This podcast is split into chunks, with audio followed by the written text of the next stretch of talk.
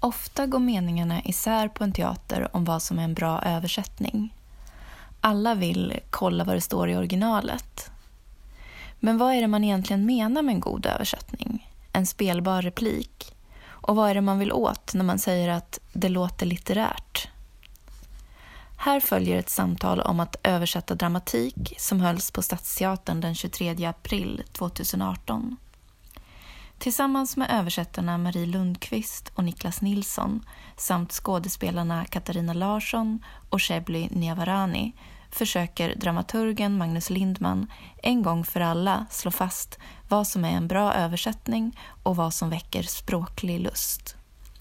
Varsågoda och lyssna.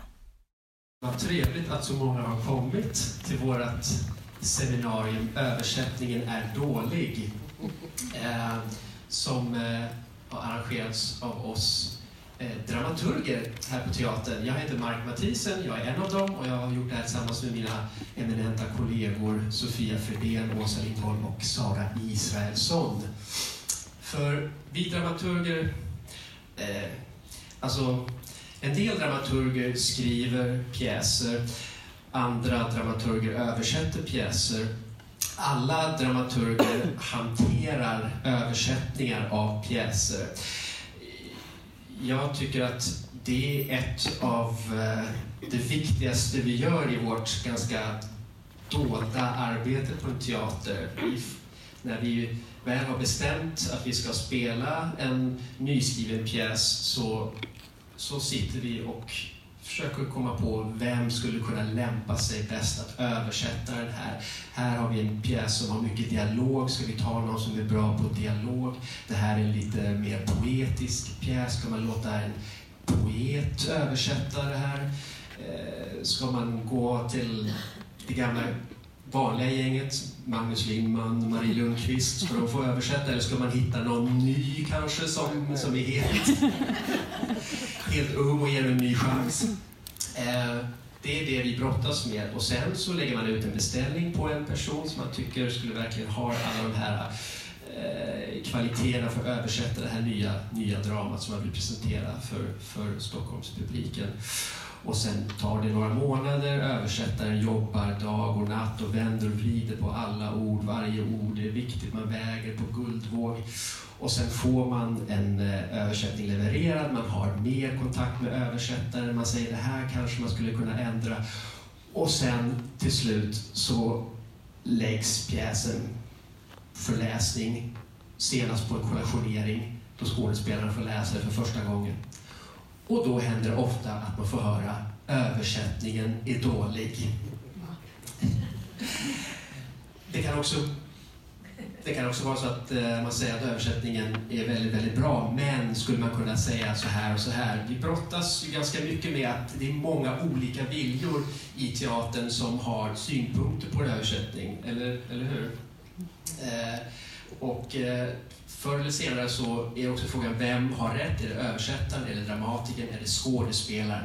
Och de här frågorna är sånt som jag tror många, också som inte är inne i teatervärlden mycket, undrar hur det, hur det fungerar, hur man översätter dramatik. Och därför så är det ett stort nöje att vi har den här eminenta panelen av både översättare och skådespelare för en gångs skull som får samlas och diskutera vad en bra eller dålig dramatiköversättning är. Så jag ska presentera panelen. Eh, Magnus Lindman som är moderator. Eh, du är allt i ett kan man säga. Dramaturg, översättare, dramatiker. Du har varit eh, verksam som dramaturg på Radioteatern, Folkteatern, Göteborg, eh, Folkteatern Göteborg, Dramaten, Eh, Teatertribunalen, Folkoperan.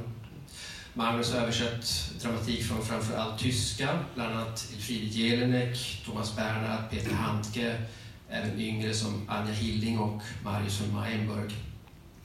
Och Magnus är också nu aktuell som dramatiker med sin pjäs Bang om Barbro Alving som eh, hade premiär här på vår studioscen på Stadsteatern med teaterns konstnärliga ledare Anna Takkanen i rollen som Bang.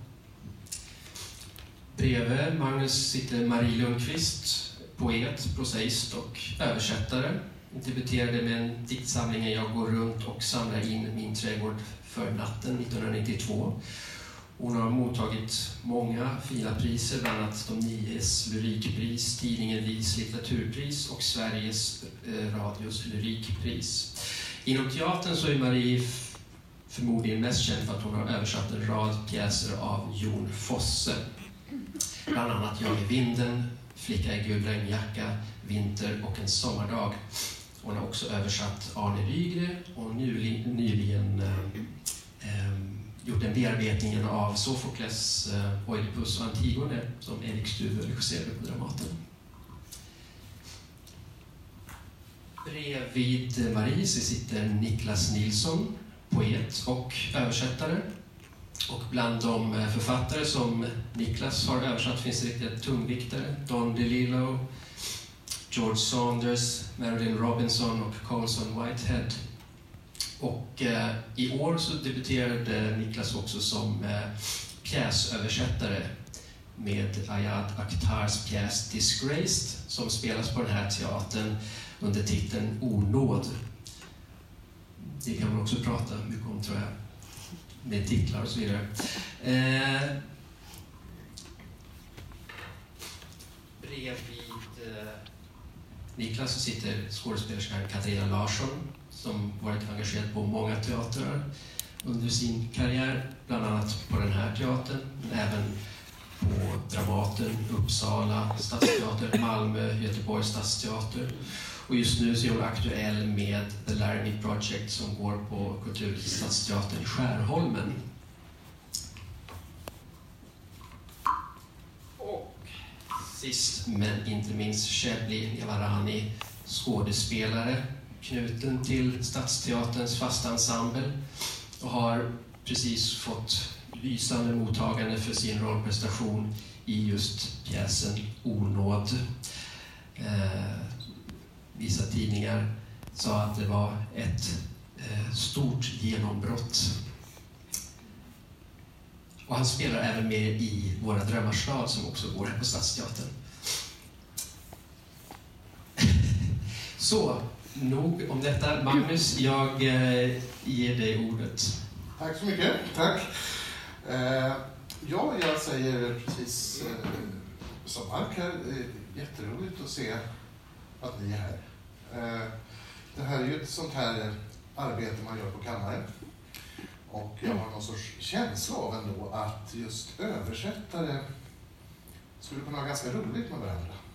Kanske inte alltid så att författare har roligt med varandra, men översättare, eh, det känns som att vi jobbar så mycket i språkets tjänst på något sätt. Det är ett, det är ett uppdrag som ligger i, i, liksom i språket eh, och inte i något annat.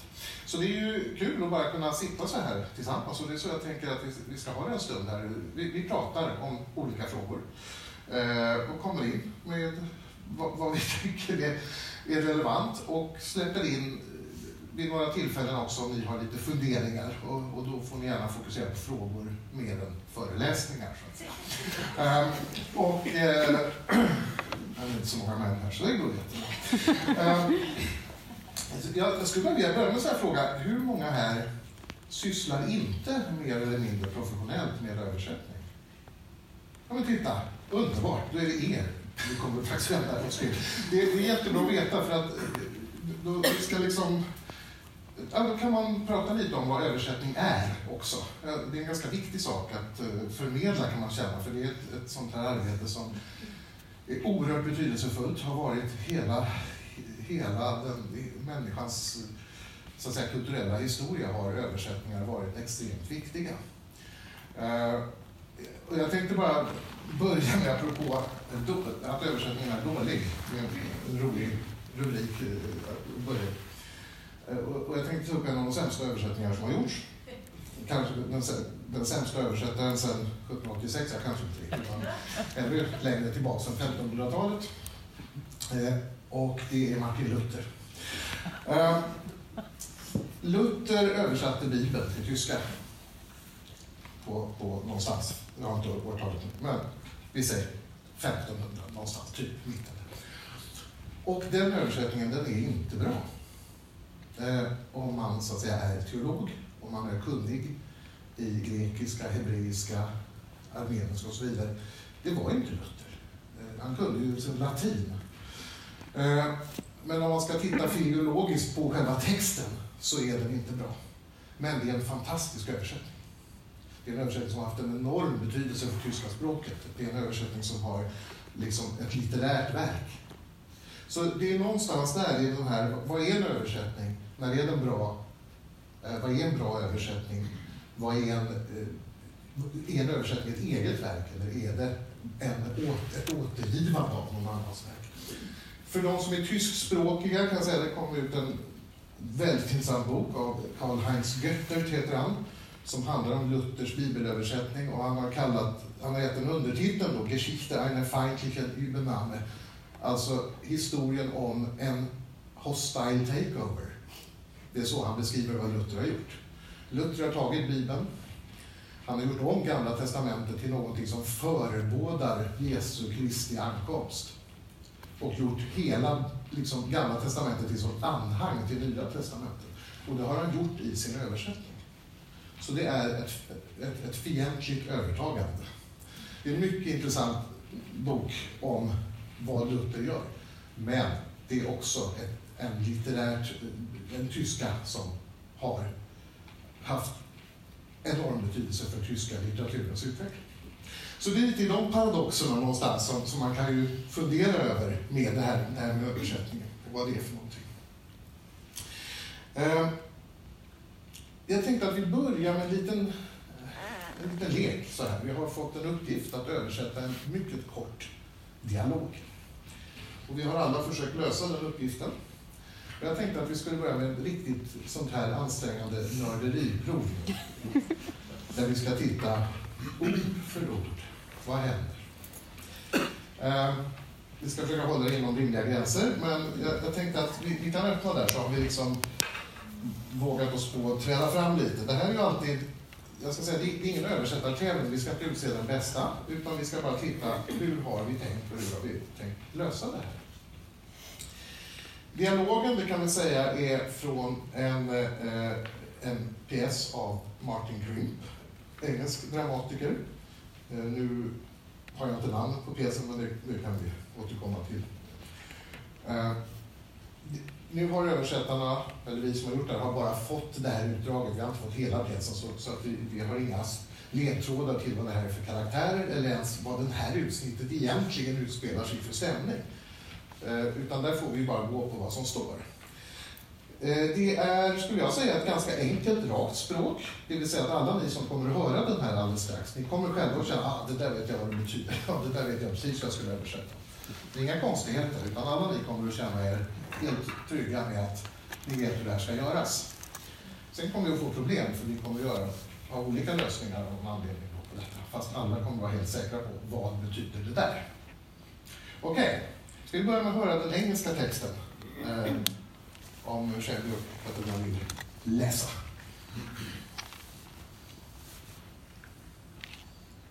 You look funny. What are you doing? Mm. What are you doing? Funny. Yes. What are you doing? You've been on that phone for over an hour. Have I? Sorry. I've been talking to one of my writers. He's inviting me to Lisbon, Lisbon in October. Did you want to use the phone then? Ja. Eh, inga svåra ord, tror jag. Inga sådana lexikala problem. Utan eh, jag tror ni hängde med ganska bra. Nu är frågan om vad ska vi göra åt det här då? Nu när det sitter en ensemble och väntar. Tar vi, en, vi tar en mening i taget tycker jag och ser vad vi har gjort. Den första, den första repliken som var You look funny. What are you doing? Okej, okay. Marie, vad är ditt bud på det? Ja, det är verkligen ett bud. Mm. Eh, du ser konstig ut. Vad gör du? Okej. Okay. Vi går vidare till Niklas. Eh, ja, just det. Vad du ser konstig ut, vad gör du? Oh, oh, oh, nu stanna. nu, nu händer det Jag märker det här. Du ser konstig ut. Vad du ser konstig ut. Vad du ser konstig ut. Mm. Mm, Ja, ja, men jag, nu är jag bara jätteroligt. Det är inte du som är skådespelare. Men, det- eh, ja, men ni märker redan där, på en sån här självklar mening, You look funny, så har vi två förslag. Eh, vi går vidare till eh, Katarina. Ja, här också. Och du ser konstig ut. Vad gör du? Sådär, du sammanföll precis med Niklas. Kan säga att den meningen leder helt enkelt. Nu kommer Shelley då. Och vad har du hittat? Som var någonting helt annat. Ja, nämligen Du ser rolig ut. Vad gör du? Jaha, ser man på. Nu har vi redan där. Då måste jag titta vad jag hade här då. Som, som Niklas sa, vi kommer förstås att göra det här sist. Så jag ska sitta och välja här. Men jag har faktiskt skrivit innan. Så ja, det är ju den så kallade liksom. Konstig du ser ut. Vad håller du på med? Jaha. Nu har vi alltså, på den här meningen har vi redan ett antal bud. Det här är ju också i alla fall tre professionella människor och två som ändå är, jobbar med text, även om de kanske inte jobbar som översättare. Och vi har ett antal olika förslag. Eh, jag skulle säga då, inte bara för att ni är kollegor, att alla är helt rimliga. Eh, den som är mest, naturligtvis sticker ut mest skulle jag säga, det, det är ju Shelley's bud här att, att översätta Fanny med rolig. Där vi då har valt konstig. Eh, Fanny, såklart, kan betyda båda sakerna.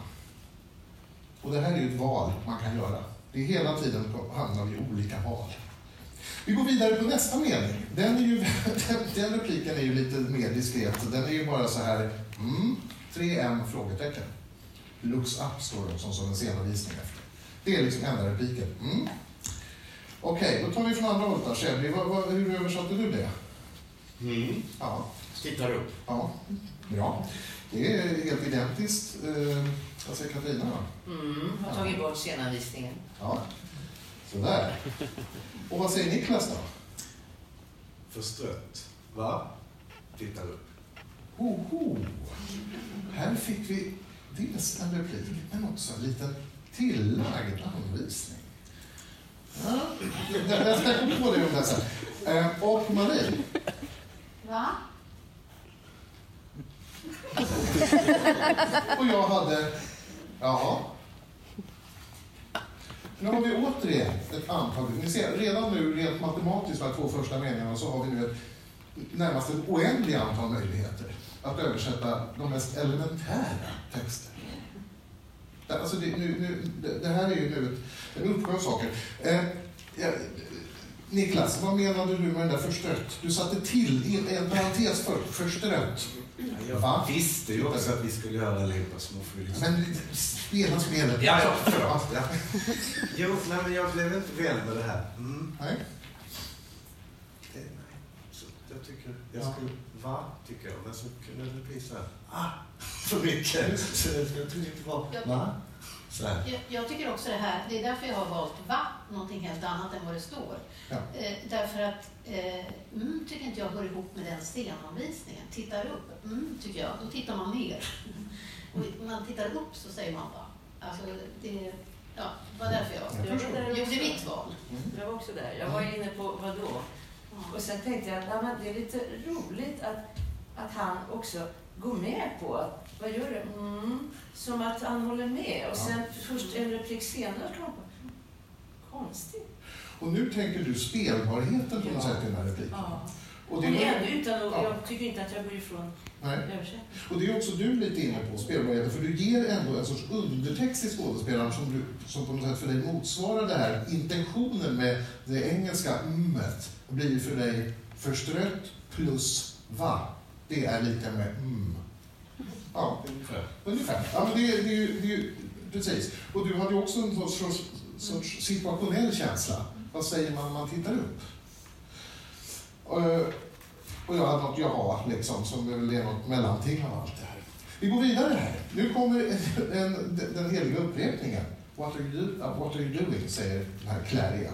Och då ska vi bara se om det är någon som har valt att göra något annat än vad de har gjort förut. Nej, där skulle jag säga att alla har valt att upprepa då, såklart, det som också originalförfattaren har upprepat. Det här är något som man återkommer till i texter när det återkommer fraser eller upprepningar.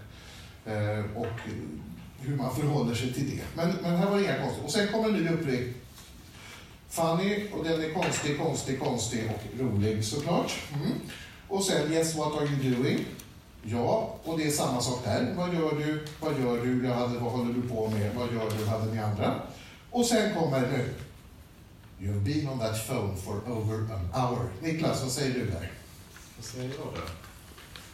Du har pratat i telefon i över en timme. Ja.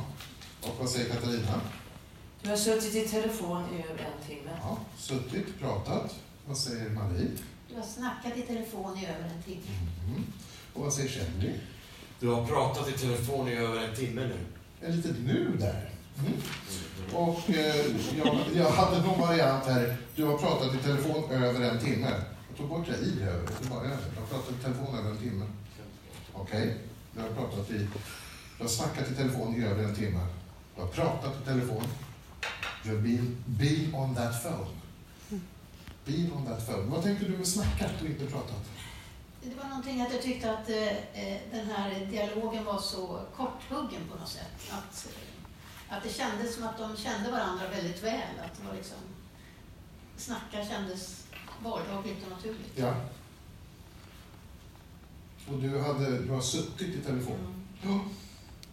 Som ett annat uttryck där. Mm. Ja, jag, för jag tyckte att det känns mer som att du har planterat dig där. Mm. Det går inte att komma åt den där apparaten. Just det, det finns någon sorts anklagelse. Ja. Mm. Och det kommer ju till nästa, och, och det får ett svar i nästa mening då. Eh, replik som är den längsta. Have I, sorry, I've been talking to one of my writers. He's inviting me to Lisbon in October. Do you want to use the phone then? Här har vi en lång, lång sak. Marie, vad säger du om den? Du kan ta hela den. Eh, Har jag? Förlåt. Jag pratade med en av mina författare. Han ville att jag skulle komma till Lissabon i oktober. Vill du ha telefonen eller? Ja, den sista meningen är lite central. Graden av, rikt, alltså vilken riktning på den. Vill du ha telefonen eller? Niklas, vad säger du om den här? Har jag? Förlåt. Det var en av mina författare.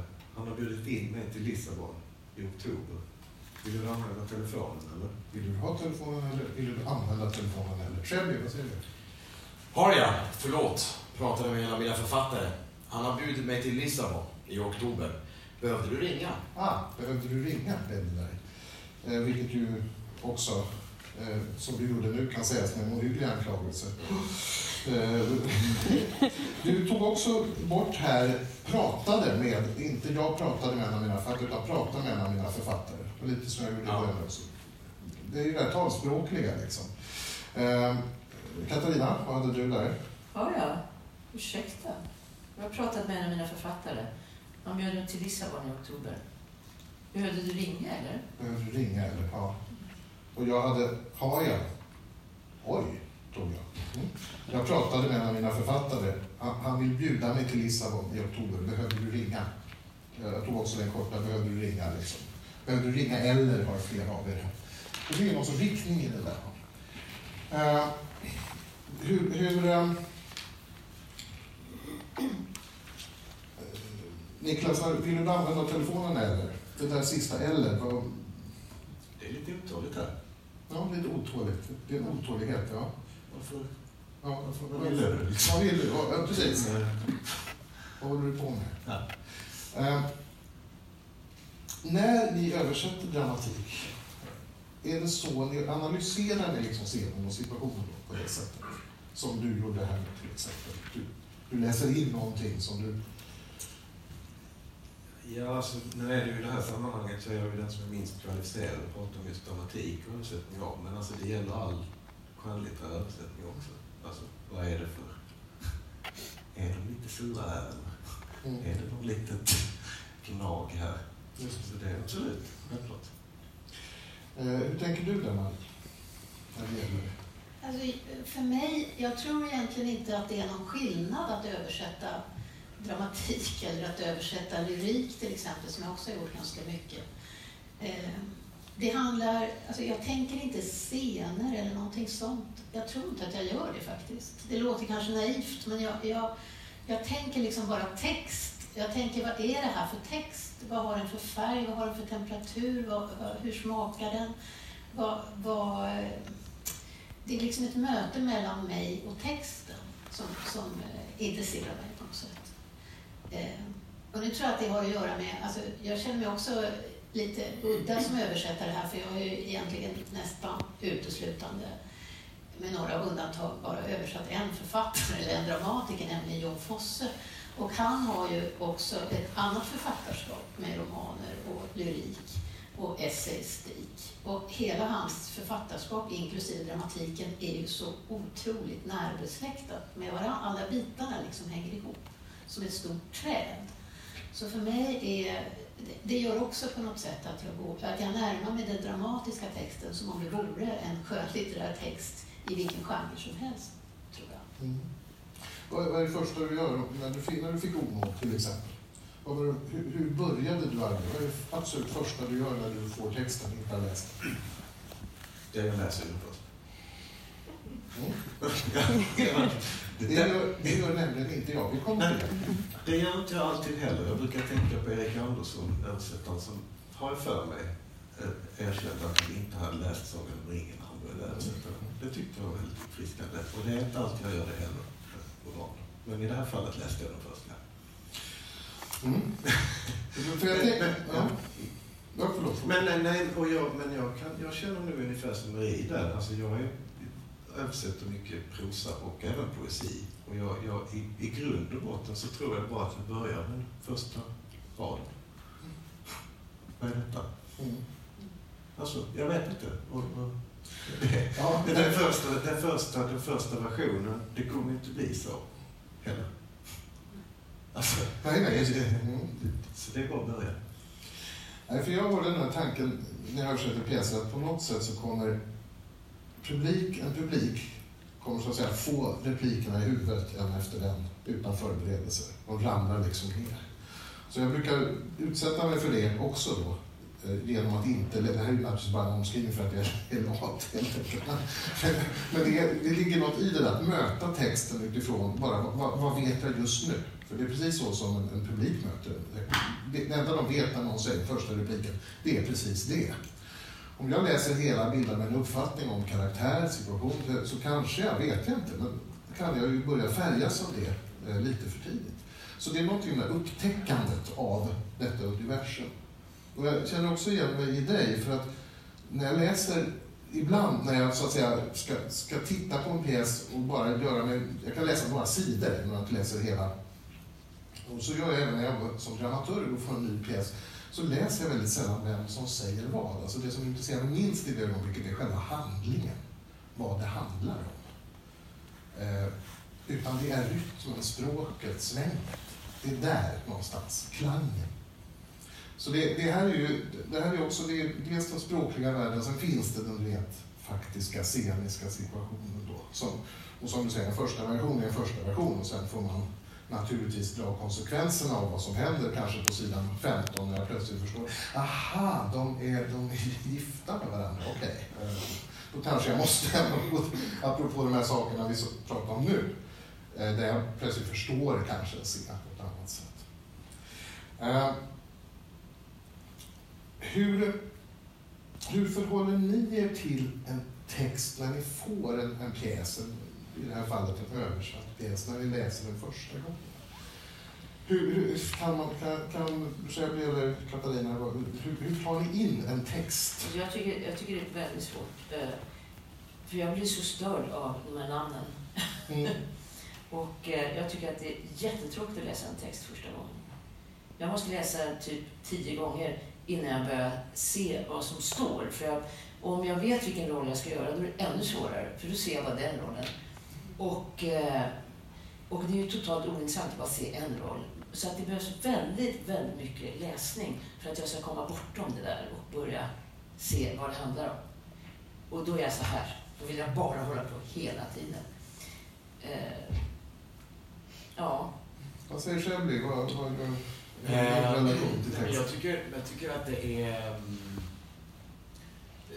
problemet är ju det här med att försöka koppla bort sig själv. Alltså om, om man får en pjäs som Ono, det är väldigt svårt att inte tänka sig att det är den rollen jag ska spela.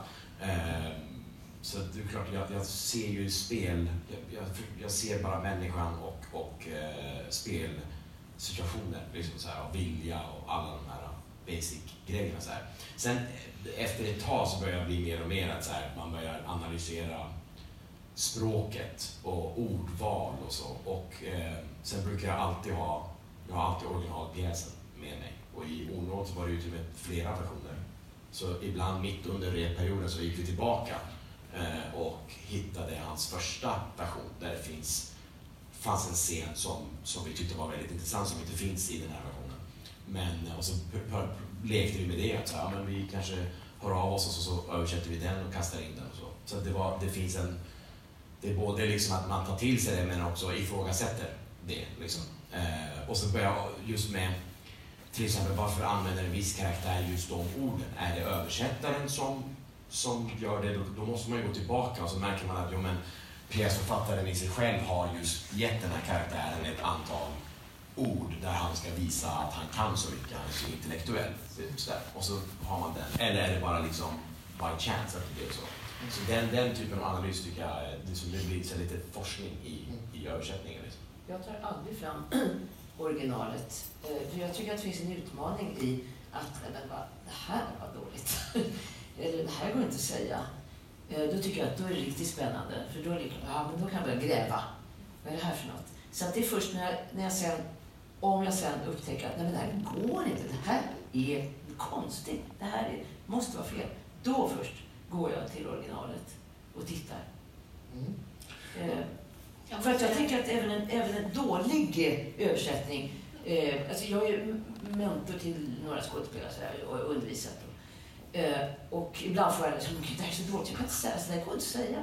Jag, ja men det finns människor som pratar så här. Som vi tycker då, att man har ganska, som, ganska ödsligt språk. Det finns människor som pratar, acceptera det och jobba med det. Det tycker jag är väldigt spännande. Och så jobbar jag då även när det är översättning. Mm.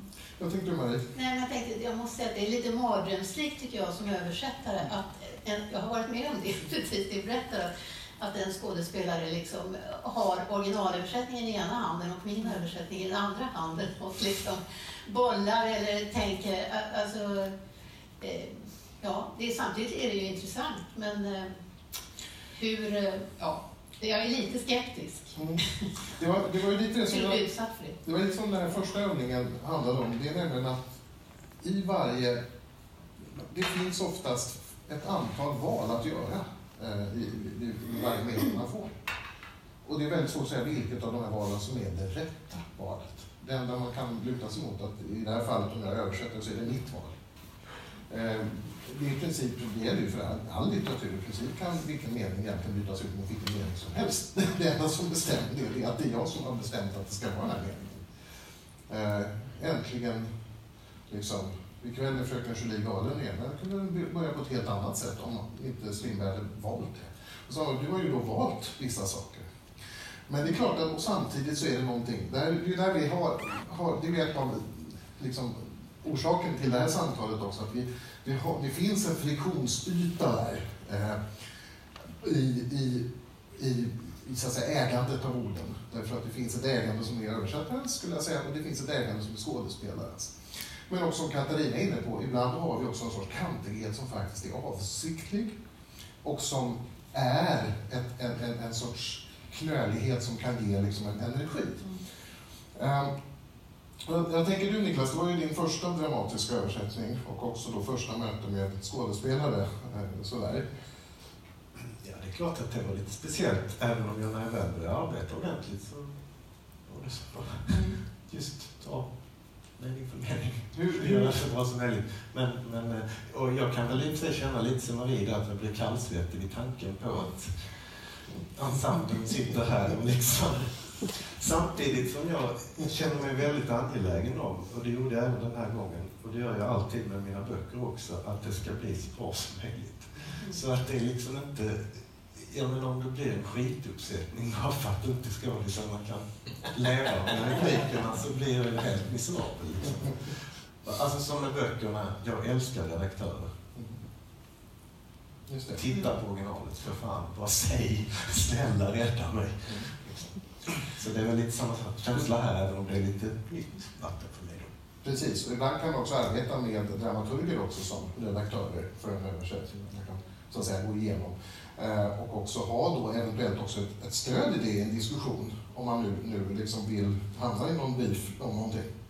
Eh, om man skulle vilja ha det. Men, men som sagt, vi är ju hela tiden i det här landet. Vad betyder saker egentligen? Och jag tror också att, att överhuvudtaget, alltså relationen till, till språk och vad är ett språk? Så, så tänker, jag tänker ganska ofta på en upplevelse jag kan ha när jag läser ett språk som jag kan väl, som kan vara tyska eller som kan vara engelska. Och jag tror att alla ni som sitter här har säkert läst någonting på engelska och då upplever jag ibland att jag har en, en känsla av att det finns ord som jag förstår vad de betyder, så att säga på engelska. Men jag kan inte komma på den svenska översättningen, så att säga det rätta ordet omedelbart i huvudet.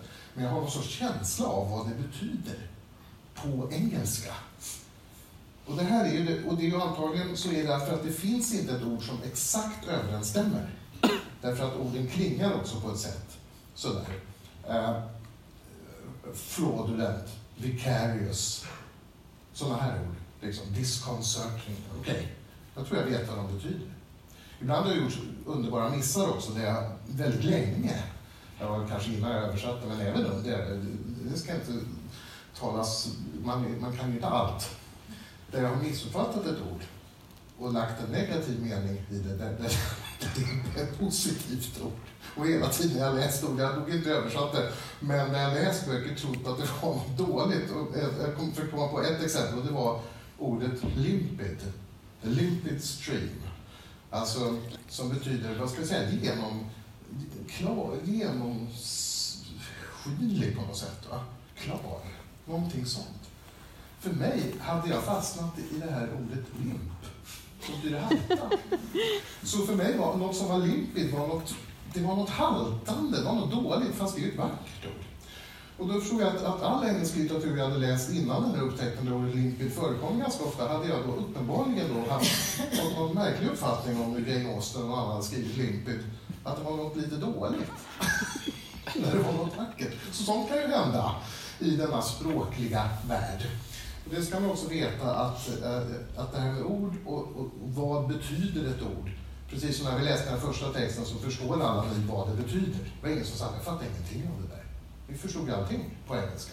Och ändå har vi eh, fem olika varianter i princip på varje, eh, varje mening. Och det är, där, det är i det utrymmet vi arbetar kan man säga. Eh, Jag, ty jag, tycker vi ska ta med, jag tycker man ska ta med väldigt stor nypa salt att man förstår vad det betyder. Mm, det det för, för, när man översätter från norska mest, som jag gör, så tror man ju absolut att man förstår vad det betyder. Därför att det låter nästan precis som svenska. Men, men det liksom finns ju en hel värld runt omkring det här ordet med alla norska konnotationer och annotationer som är en liten, liten smula annorlunda än våra egna och som förskjuter betydelsen av det här ordet. Inte så att det blir någonting helt annat, men det kan det också bli. Men för det mesta bara så att det tippar över lite åt någon kant, vilket gör att, att det uppfattas på ett helt annat sätt. Och, och, och det, det, där är så subtila nyanser, de är ju liksom musikaliska. Mm. Små, små, små nyansskillnader. Så därför eh, är jag väldigt skeptisk mot att säga att man förstår vad det betyder. Och det var det jag Också på svenska, måste jag säga. Det, det finns ju, jag, det, jag tänker som det är så, man har ju på sitt eget språk, på sitt modersmål, så har man en språkkänsla. Mm. Och det är ju inte alltid man är, när det är ett svenskt ord kan förklara med andra ord vad det betyder, fast man vet vad det betyder, mm. för man har levt med det. Absolut. Jag satt häromkvällen med någon och lakonisk, vad betyder det? Jo, det betyder... Mm. Det betyder liksom... Jag, jag, jag, jag kommer inte ur det. Jag hade ett sånt där ord också som jag, i ganska hög ålder, är så, det är så riktigt skämmigt, ja, ja, som jag läste under många, många år. Så jag tror det var 20-årsåldern jag fattade vad det egentligen betydde. Och det var ordet tillade. Och jag alltså även, jag läste som att man tillar, man liksom pratar lite så här. Jag tänkte, vad mycket folk tillar. Tills jag plötsligt i typ 20-årsåldern plötsligt bara så tillade. så, du har läst att de säger, och det var inte igår, tillade hon. Och då tänkte jag, ja, precis. Jag jag. Hon är på tillade enkelt. Ja. Filla är bra ord.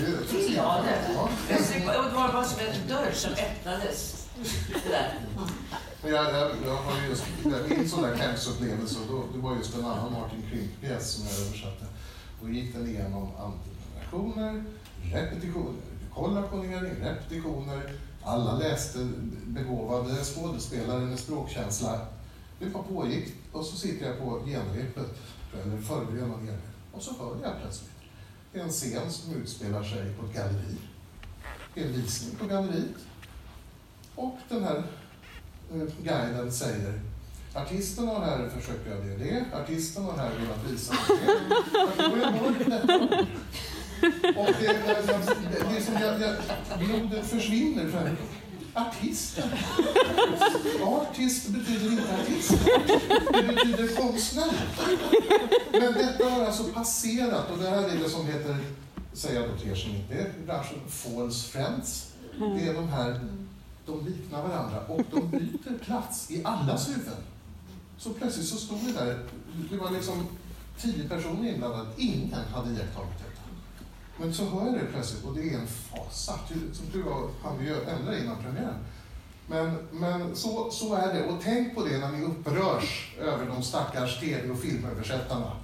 När ni, vad är det här för ord? Sånt händer. Jag säger bara det. Så atleter har kommit in i svenska. Atleter, ja. Men det, det är sådana upplevelser har vi ju. Vad, vad säger du Marie, när du hamnar i sånt läge nu med, med nynorskan och konnotationerna?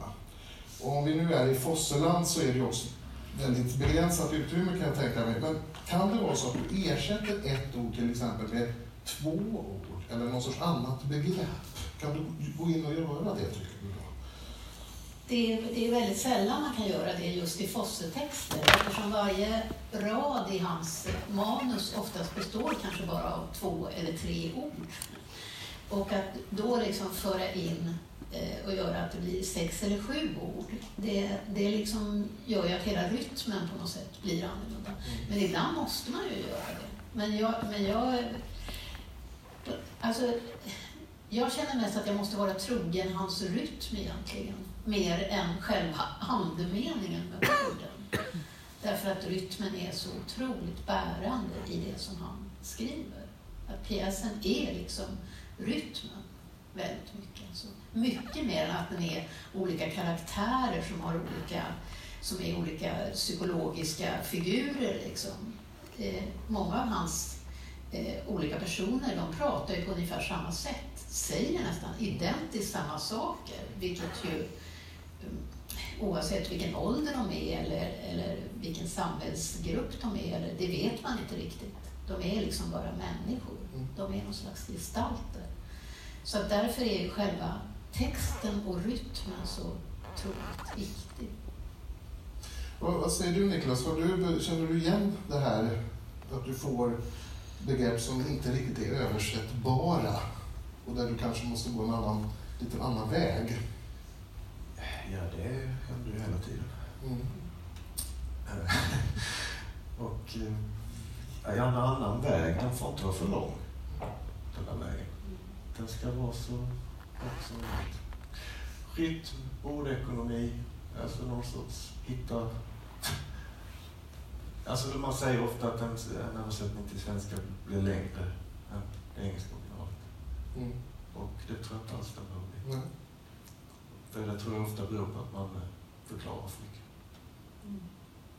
Mm. Faktiskt, ofta. Alltså.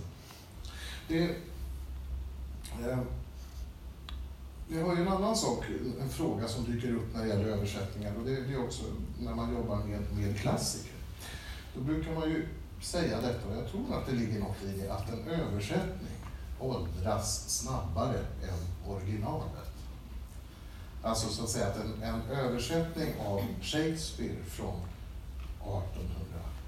1850-talet eller från 1900 till och med 1950-talet så att säga känns eh, daterad nu. Och mer daterad än vad Shakespeares original gör från 1600-talet. Och någonstans så tror jag att det är på detta sätt. Men frågan är hur, hur kan det vara så? Det låter ju som en sorts, mm, vad ska jag säga, paradox. Men det är liksom, eh, har ni någon tanke på det? Eh, jag tänkte på, nu har du arbetat med Oidipus och Antigone eh, på Dramaten. Mm. Eh, vad säger du om det? Gamla texter, nyöversättningar, äldre översättningar? Alltså, jag har ju arbetat med två tidigare svenska översättningar av Oidipus och Antigone. Det är liksom en omväg. Eh, Emil Ciliacus gamla översättning av Oidipus och, och Hjalmar Gullbergs av Antigone från 42 respektive 1935, så de är väldigt gamla. Jag har ju liksom inte utgått från Sofokles eh, gammalgrekiska original och skulle heller aldrig kunna göra det. Eh, och, men alltså jag har ju inte försökt, min, min ambition var, var liksom inte att modernisera eh, Gullberg och Ciliacus till någon slags nutidssvenska. För den, den, tror jag, den tror jag verkligen är daterad. Utan eh, snarare att liksom rena, filtrera, skölja, jag vet inte vad jag ska använda för eh, uttryck för att förklara, deras texter ner till någon slags kärna. Eh, som ett språk som är, är, på något sätt utan tid är ju helt omöjligt, men som inte liksom gick att referera till 2018, men som ändå eh, gick att uppfatta utan att man liksom tänkte på den här 2500 åren som finns mellan originalet och nu. Alltså det är ju en omöjlig uppgift. Mm. Men eh, man får ställa sig in i ledet av alla uttolkare som har funnits av denna text ända sedan urminnes tider. Det är ju liksom en kör av röster. Så, så får man se det, annars blir det ju bara helt övermäktigt. Vad säger du Niklas om de äldre texterna? Vet inte jag i dina andra översättningar om du har eh, vad det är för ålder på de verken? Ja, det, är mycket, det är mycket modernt. Ja, precis. Det, det är det. Mm. Så, men, så jag stöter väl på dem i, i mina böcker mest som eh, citat eller sådär. Mm. Men jag har ofta funderat på det i princip. För det gör mig lite irriterad att det verkar vara så ofta. Mm. Och jag värjer mig lite mot det också. Ja, och jag försöker... Men ja, och jag, och jag vet inte hur, hur... Nu vet inte jag heller hur Shakespeare upplevs av en native speaker. Liksom. Alltså stavningen får ju till exempel moderniseras, tekniskt. För den, är- alltså, den är inte helt up to date, om man säger så. Nej, och det är, naturligtvis är det ett gammalt språk och det är ett svårbegripligt språk. Jag pratade med en engelsk um, skrivande person och hon sa då att, att för jag höll på med Hamlet som vi gjorde Folkteatern. Och då sa hon, vilken tur ni har som får jobba med översättningar. För det skulle vi behöva i England också. Alltså de skulle behöva en engelsk översättning av Shakespeare därför att språket är så obegripligt i rent lexikalt vad det betyder. Men det, det är ju fullständigt omöjligt i England att tänka sig att de skulle göra en engelsk översättning av Shakespeare. Det, det, det är som, man vågar inte ens gå in i den diskussionen. Men naturligtvis så, så är det så att det blir ett längre och längre avstånd, så att säga, eh, mellan, mellan texten. Vad säger ni om ni har jobbat med, på något sätt hamnat i det när ni har jobbat med klassiker någon gång, att ni har haft en känsla av att översättningen är, om inte dålig, så känns gammal eller någonting sånt där. Är det, Alltså jag, tycker, jag tycker att det är spännande att försöka... Eh, alltså, jag tänker det där med att nyöversätta gamla engelska Shakespeare till exempel. Det är ju för att vi vet att man accepterar den engelska texten, man vet att det är originalet. Medan man tycker att översättningen mer ska närma sig det, det språk vi talar idag. Men jag tycker att det är intressant att försöka, det är, att försöka alltså, använda de här gamla texterna och försöka få dem i kroppen. Så att det känns som om man pratar sitt eget språk som man pratar till vardags. För det finns, det finns ganska många skådespelare som jag har mött genom åren som inte jobbar så mycket med översättningen eller med originalet utan som snarare gör om till sina egna ord. Eh, och det är för mig helt främmande att, jag menar, det är klart man kan glömma sig ibland så att man måste säga någonting annat. Men, eh, men som hela tiden gör om det till sitt eget. Och det tycker jag, då, då förlorar man någonting. För att det finns ju, jag menar, översättaren har ju sitt eget, och även originalet har ju sitt eget språk. Även om det är jag som gör det här och jag måste använda mig själv, så är det ju inte så att det ska bli jag mitt vardagsjag. Liksom. Eh, Vad säger du Shirley som, som då... Jag, tänker, jag, har, jag, jag har inte spelat jättemycket klassiker, men jag kommer ihåg när vi gjorde Hamlet, som Katrin Wiedemann satte upp. Eh, då gick jag tillbaka till eh, Hagbergs eh, fantastiska eh, översättning, som, som jag tycker är, är helt den är magisk. Eh, men det är klart att det var tydligt också att vi kan inte använda den idag.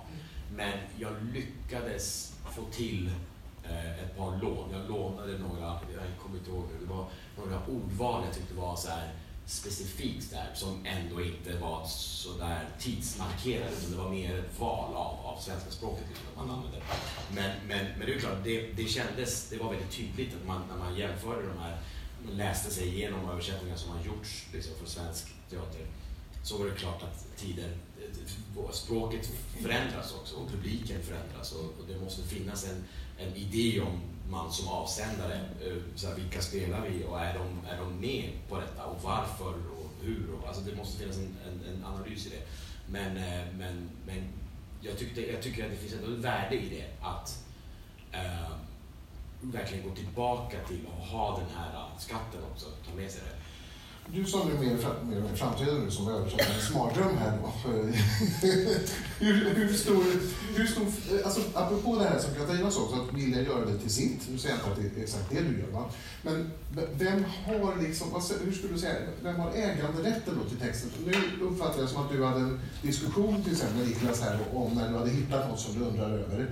Men kan du känna att, ah, fan, jag får väl ändra i alla fall lite grann så att det, jag behöver inte fråga om varenda grej. Eller vad, hur, för det är ändå du som ska liksom göra den här texten. Jag, jag tänker, och nu pratar jag utifrån min ringa Ja, eh, erfarenhet. Eh, så jag ser mig själv som ett verktyg för, för författarens intentioner alltså, och regissören. Eh, först och främst så, att, som skådespelare så är du uttolkare av någonting som har skrivits till dig, eh, en roll eller en text. Och sen så tolkar du det och alla har sitt eget sätt där. Men jag tycker det är också viktigt att, att förstå den personens intentioner. I, speciellt i en pjäs som eh, Ayat Akhtar, eh, Ordnåd.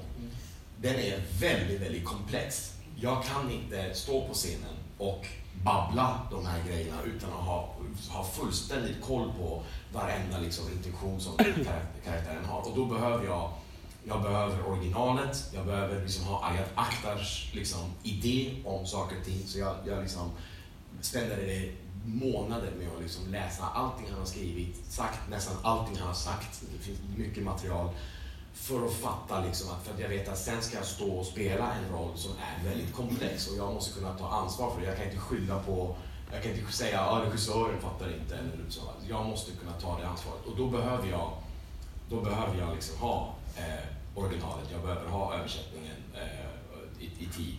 Um, så jag ser, jag ser det som en, som en uttolkare. Liksom. Och sen så tänker jag också att jag tycker att det där är ett problem, faktiskt. jag håller med. För att det blir också väldigt problematiskt tycker jag om man som skådespelare ska hela tiden göra om saker och ting så att det funkar i min egen persona. Liksom. Så att det är så här, jag som skådespelare på den här teatern spelar den här typen av roller och då använder jag den här typen av språk. Eh, det, det där är inte riktigt min jag är inte så intresserad av det. Jag är mer intresserad av så här, vad skriver ni och hur kan jag framföra det och få det att lyfta liksom, och ge det kött och blod. Ehm, och ibland så är det ju också underbart att, att här, totalt lämna sitt eget språkbruk och gå in i någonting helt annat. Så här, och, eh, och inte njuta för mycket av det. För ibland ska, kan det också bli lätt att man står på scenen och Gud, det här är så vackert. Åh, åh, och så bara glömmer man bort att vänta nu, du ska ju vilja någonting också med det här. Inte bara att det är vackert, du måste ju liksom ut där. Liksom. Jag tänker att ett problem som jag upplever, vi jobbar ju, nästan alla vi skådespelare jobbar ju olika. Eh, precis som ni översättare ju. Och ett problem, det är ju ofta det tycker jag att man får, man får pjäser för sent. Eh, så att man hinner inte liksom, dyka ner i den där världen. För jag tror, att, jag tror att det är så att alla människor har allting i sig. Vi har vrede, kärlek, sexualitet, eh, sorg, ångest. Vi har allting. Så jag tror, jag jobbar inte så som du, så att jag läser allting jag författar. Jag tror att jag har allt det där i mig, men jag måste ha tid för att det ska, det blir liksom intravenöst. att den där texten ska komma in i mitt blodomlopp så att jag kan säga den utan att eh, hjärnan på det sättet är först. Eh, På något sätt så liknar det de, processen också lite som Marie, alltså blodomloppet att komma in i eller komma in Ja. i något annat. För vår del kanske gå in i någon annans blodomlopp. Men, men det är något, något internaliserande eh, i det här. Eh, Men ett, ett problem är ju annars motsatsen för översättaren, att skådespelarna vill ha pjäsen alldeles för tidigt. jag förstår det. Det, det har jag liksom varit med om så många gånger, så det är jag nästan allergisk mot. Alltså, är det inte klart, är det inte klart, vi måste liksom börja, vi kan väl liksom bara ta lite grann så kan vi liksom titta lite grann på det. Och, så, och sen, så, så, mardrömmen är då att sen sitter liksom varje skådis med fyra olika versioner och vilken tycker de är bäst och så vidare. Så att jag är numera väldigt Det restriktiv förstår jag. Jag skulle aldrig vilja lämna någonting i förväg så att säga, trots att det ständigt finns. Men allt det här faller ju- faller ju tillbaka på dramaturgiatet helt enkelt. Med tiden och planeringen. Men visst. Eh, eh, jag tänkte bara höra nu, eh, lite när vi har kommit hit. Är det någon som har några funderingar i- kring det vi har sagt eller någon, något inpass? Eh, så får ni gärna säga något. Det går bra. Eh, det är bara att hojta och fråga eller någonting. Det kanske bara var helt absorberande intressant. Så, Hej. Hej. Eh, Jag heter Ulrika Jonsson och jag är översättare också, mest eh, musikdramatik. Eh, Jag har också eh, hamnat i att översätta gamla klassiker. Det finns de här åtta gamla herrarna och Britt G. Hallqvist eh, som, som man, så får man i uppdrag att översätta nytt. Ehm, och jag, jag tänkte, för det var så himla intressant tycker jag det här som du nämnde Hagberg, eh, att, att de här farbröderna, om man säger, de, de, de var ju ofta också poeter själva, eller, eller skrev själva. Och jag, jag kan uppleva när jag jämför då ett original med en gammal översättning, att översättarna tog sig otroligt stora friheter Eh, att eh, sätta sitt e, sin egen prägel på det. Ibland till och med, alltså jag översatte Carmen eh, och gick tillbaka, alltså på franska så var det en vers, en, kör som sjöng om och om, och om igen där författaren har gått helt loss, eller översättaren har gått helt loss och skrivit ny text för varje vers och, och varenda undertext och himlen är svart och vi ska alla dö och allting. Och det hade liksom inte, alltså han, och det är jättevackert. Alltså jag tänkte det du sa också att den här bibelöversättningen var ingen bra översättning men det var en fantastisk text. Mm. Eh, Så så kan jag också varför man älskar de här gamla liksom, Shakespeare-citaten, att det inte riktigt alls vad Shakespeare skrev, men det låter, alltså det är bra, fast det är inte pjäsen. Alltså, upplever ni som har jobbat med så mycket pjäser att, att det liksom är något, var det mer så förr? Att översättaren, eller Magnus eller Marie, alltså att, att översättare eh, ja, gick all in liksom och satte sitt eget eh, Ja, det tror jag att det var. Alltså, om, man, om man kan se, det finns ju en tradition på 1800-talet med översättningar. Till exempel en sån här, det är Baudelaire som börjar översätta eh, Edgar Allan Poe till franska. Och det gör han ju på ett sånt Baudelaire-vis. Så att jag vet inte, det finns knappt någon Poe kvar. Utan det är en sorts tolkning som han då är ute efter. Och Hagberg som du sa, där, jag kan inte Hagbergs biografi, men jag tänker att i mitten på 1800-talet, det är väl tveksamt om han någonsin har varit i England och ens träffat någon engelsman någonsin. Eh, men, men man kan ju också, som, som Shelby sa, när man läser eh, Hagberg kan ju slås av fullständiga friskheten och folkligheten, ska jag säga, som jag kan känna i någon sorts globe-känsla. Eh, men jag är tveksam om, om det är rätt, för jag tror inte att han hade den engelska kunskapen. Men han har en, jag kan ju känna att han har en andlig kontakt med Shakespeare. Som, som, och, och hur man är vrider och vänder på det, apropå citat och sånt, så är Hagberg grunden för vår Shakespeare. Det är den svenska Shakespeare. Och den får vi liksom leva med, vare sig vi vill eller inte, precis som vi alltid lever med översättningar. Det är, ju det, det är en diskussion som översättningar är så att säga sekundärlitteratur eller inte. Och det, det, det, jag skulle säga att det är det absolut inte, därför att all, hela världen sysslar med översättningar och har alltid så gjort. Det här är ingen ny företeelse. Utan saker har traderats vidare och översatts och har värden för oss. Men, men jag tror att friheten var, jo det, det ska jag säga var, var större och också att man var både översättare och bearbetare på något sätt. och uttolkare. Och, och, och nu ska vi tänka oss att vi, vi är inte inne överhuvudtaget i en upphovsrättslig diskussion. Det finns inte den synen på upphovsrätt och inte heller kanske på på, ja, men, det, det finns konstnärskap då, men, men en översättares upphovsrätt eller när går en översättare in och gör någonting där friheten är mycket större? Det tror jag. Men... Jag tycker det, det som jag möjligen har upplevt, jag känner inte riktigt igen det där blommiga språket, men eh, det är väl det att ibland att jag har jobbat med pjäser, jag känner att översättaren har och det kan man faktiskt se kanske nästan mest i, eh, och det är också hos dramatiker, i de här scenanvisningarna. Att man på något sätt förklarar för mycket. Så att man ställer sig emellan, att man, allting är sagt redan i repliken.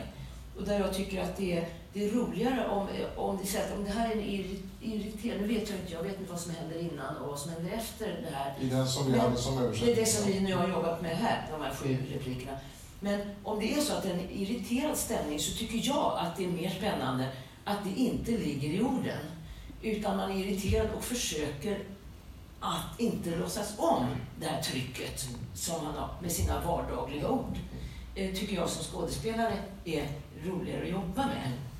Och därför har jag just då tagit bort scenanvisningar, för scenanvisningar kan förstöra en hel produktionsperiod, en replik. För att om det står till exempel gråter, då är det kört. Det, det, går, det går inte. Det är, som, det är som en militärorder. Just det. Mm. Så jag är väldigt sådär skeptisk mot eh, scenanvisningar. Mm. Jag, jag kan förstå att man skriver Men det är ju också det här med, med alltså, regissören. Alltså, där, det är verkligen, där måste det finnas ett samarbete också med, med för vissa regissörer kan ju vara så här, följ inga anvisningar, vi mm. skiter fullständigt i vad, den här, vad det står. Eh, och samtidigt så kanske man börjar göra det, så man märker man att här, ja, men det finns en anledning till varför det står. Vi behöver ha, eh, vi behöver ha det. Och vissa kanske är liksom att de, man ska följa det till, till liksom 150 procent. Står det att så här, han vänder sig mot fönstret, då ska du göra det. Och så slåss man med det liksom i, i ett par veckor för att man tycker att nej, men jag vill verkligen titta ut genom fönstret nu. Så här, jo, gör det, står så. så, här, så, så går man med det sen i sex månaders spelperiod. Varenda gång man kommer dit, man bara, alltså det verkar inte titta ut genom fönstret. Där får ju, där får ju ni kämpa med, som översättare så har vi uppgift att översätta varje ord som står i ett verk. Alltså då, då får du titta ut genom fönstret. Liksom. Och sen, får, och sen får det tas bort såklart. Och det tror jag inte någon översättare går in och blir upprörd över att du inte tittar ut genom fönstret. Däremot kan upprörd om du har ändrat helt på repliken såklart. Men, men det, det, är en, realitet och det är väldigt olika hur dramatiker förhåller sig till, till de här anvisningarna. Någon, någon mer som tänkte på någonting eh, nu? Sådär? Ja, bra. Ehm, ja, vad vi rör oss lite kring här, det är ju, det finns två begrepp som, som man stöter på i översättarteorin. Det ena är, är och, och, som, som liksom öppnar upp mot egentligen den filosofiska ingången till språket. Och det, det, och då, en, en sån här filosof och språkvetare från 1900-talet är Walter Benjamin som kommer till som han återvänder till ibland. Han har skrivit en essä som heter Översättarens uppgift, tror jag den heter. Som Benjamin är otroligt kryptisk och jobbig. Men eh, där han i alla fall definierar några begrepp som är ganska enkla. Eh, bland annat trohet kontra frihet. Alltså det är en skala eh, hur, man, hur man lägger sig på det. Om jag skulle fråga Niklas här. De, du, ja, de begreppen är har du väl tänkt på? Eller någon gång. Ja. Någon gång. Eh, hur ska man förhålla sig till de här trohet i ena ändan, frihet i andra ändan i, i, i det språkliga uttrycket? Ja, nu, nu, jag, jag kommer att tänka på en annan översättare, en, en, en som heter Rosemary Waldrop, en amerikansk översättare, fantastisk. Vad heter det? Rosemary Wardrop. Okay. Som, det här, nu blir det här mer som en praktik, men jag tänker att det har med det här att göra. Hon börjar med att översätta så att säga ord för ord. Alltså det blir en ganska yxig översättning, eller inte när hon gör det såklart, det blir bra. Men sen så, sen så tar hon det liksom och gör det till sitt. Det är andra steget. Men sen det sista avgörande steget är att hon vrider tillbaka det så att det blir främmande. det blir liksom inte... Jag tänkte på skådespelaren. Det är inte... Hon är något annat än den andra sidan. Och den där... Jag vet inte vad en skådespelare är annars. Det var någonting när du sa det känns mm. Nej, men Ja, man bara pratar som man gör. Ja. Nej, men i alla fall. Det var, det var, friheten är väl... Den är överallt i det där, tror jag. Det, det, det är bara balans. Man vet inte vad som är vad, känns det som. Jag vet inte. Vad säger Marie om de här begreppen? Jag tycker det är jättesvårt att att liksom nagla fast det. Men det, det är liksom en process tycker jag. Man är, först är man kanske trogen, sen är man otrogen och sen är man liksom trogen utifrån sin otrogenhet på något sätt. Som en vanlig relation. Ja, kanske det. Men eh, Ja. Trogen utifrån sin otrogenhet. Jag Ja. det var, det var en ganska fin sammanfattning av de där begreppen. någonting åt det hållet. Mm. Men alltså det är en så, alltså jag tycker översättande överhuvudtaget är en så otroligt organisk process. Och så fort man liksom försöker säga någonting om vad det är man gör så, så kan man lika gärna säga det motsatta. Eller så har det liksom förändrats under tiden som man har sagt det eller gjort det. Eh, så därför är det, ja, det, det är svårt att veta. Men det är no, det är, man rör sig ju kring det där trohet och otrohet hela Nästan Dessa laddade begrepp. Mm. Det finns ju ett, ett, eh, det finns en annan, eh, en annan begreppspar som kom, som jag framförallt har stött på i tyska diskussioner, där, som Wörtlichkeit och Sinn, alltså ord, ordagrannhet, bokstavlighet och mening. Alltså, det här med vad är betydelse? Betydelse är ju så att säga två saker. Det är dels ordens betydelse, lite som du berättade om, om den översättaren då, som, men sen finns det också en mening som man ska ha tag i. Eh, och de här paren för mig då går också när man jag kan ibland hamna i att, att just att välja den frihetsvägen är det bästa sättet för en viss uttryck att få tag i själva meningen. Så att det är som du säger Marie, det är också så här att vara fri mot något kan vara just att vara tro, trogen då mot själva meningen. För jag får tag i den genom att inte vara ordagrann. Så att säga. Att det, det, det här är något som man, som man rör sig mellan hela tiden och det är där också det kan bli eh, eh diskussioner eh, kring vad, vad är det, apropå eh, diskussioner om men det här, det står ju så här. Och då kan jag tänka mig att ibland krockar ju det mellan att det kan finnas, där du hamnar liksom, eller någon annan, ska jag inte börja, så, Wörtlichkeit liksom, medan du är inne på Sinn, på, på meningen. Liksom. Eh, och, och, och det här är ju en väldigt spännande diskussion naturligtvis eh, att ha. Det, jag kan se, det är ju ett av de stora jag menar, så, nu skriver ju vi också. Eh, om man skulle fråga så här, vad, vad, vad gillar ni mest översätta eller skriva själva? Om ni fick välja. Vad är roligast? Det är underbart att översätta för det finns redan en text som är färdig på pappret. Det är liksom en otrolig tröst och trygghet. Mm, där håller jag med. Översätt- Och det, det här det här har Peter Handke sagt också, han översatte en hel del. Eh, Sen skriver han ju också fruktansvärt mycket. Men han säger ju att översättning är helt underbart, någon annan har gjort det här jobbet. Man får bara vara i den språkliga liksom, världen. Man får underkasta sig. Ja, det är också skönt. ja det är skönt. Det är alltid skönt. Ja. Men det är så vara skådespelare. Alltså det är, jag känner igen det där. Att det finns en urskog som man måste gå in i och lära sig att hitta. Underkasta sig själv. Underkasta sig. Det är det får- Nej, men det, det, är en, det, det är ju det, man, man går in i den här, det- som du säger, eh, eh, att, att det är en, ja, det organiska. Eh, där, där säger ju, där talar, talar tror jag Benjamin också, talar om det, det, det helt enkelt det, det, det magiska. Det- För det, det är ju någonstans, där, eller det mystiska talar man om. Alltså att, att, att, att det är någonting mystiskt i språket. Inte mystiskt då betyder konstigt, utan det, det, det är någon sorts mystiskt och det har att göra med, så att säga, man kan öppna upp mot mirakel och alla möjliga härligheter så här, eh, som, som finns i översättandet.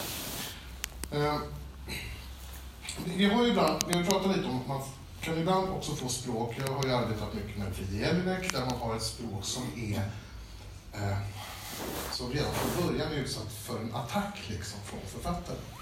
Ett språk som är eh, ibland rent fult, ofullständigt. Eh, då kan man, jag kan ibland då hamna i det här läget som översättare att om jag kom, skulle göra en riktig översättning av den här typen av text, då kan ju de som lyssnar tro att det är en dålig översättare som är i farten.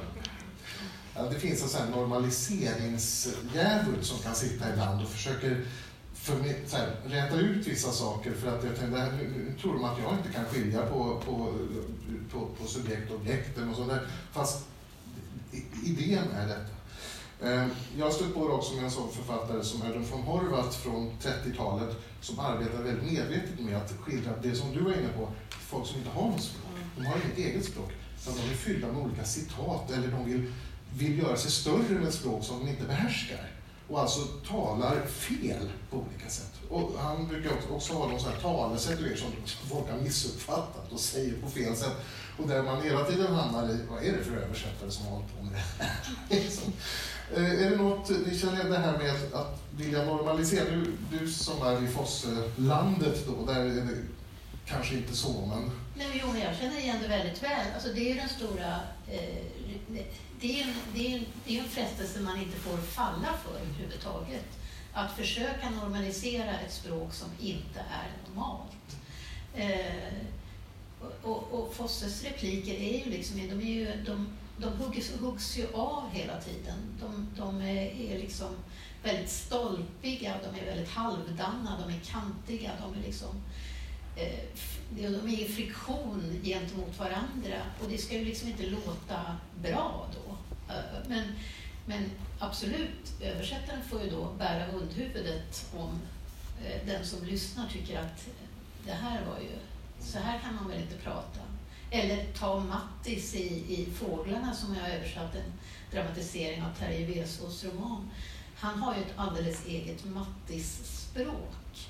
Som, eh, då är det ju liksom Mattis-språket jag ska översätta, inte Terje, Ny, eller inte Terje Vesaas eh, nynorska egentligen, utan just det där Mattis-språket måste få finnas kvar. Det blir ytterligare ett språk. Det blir ytterligare ett språk, Mm. absolut. Säger du Niklas, eh, om du har stött på det i dina...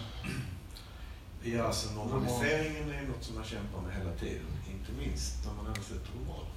Mm. Och då kanske jag inte i första hand tänker på att jag själv vill normalisera utan det finns en väldig drift att göra det från redaktör till exempel. Mm.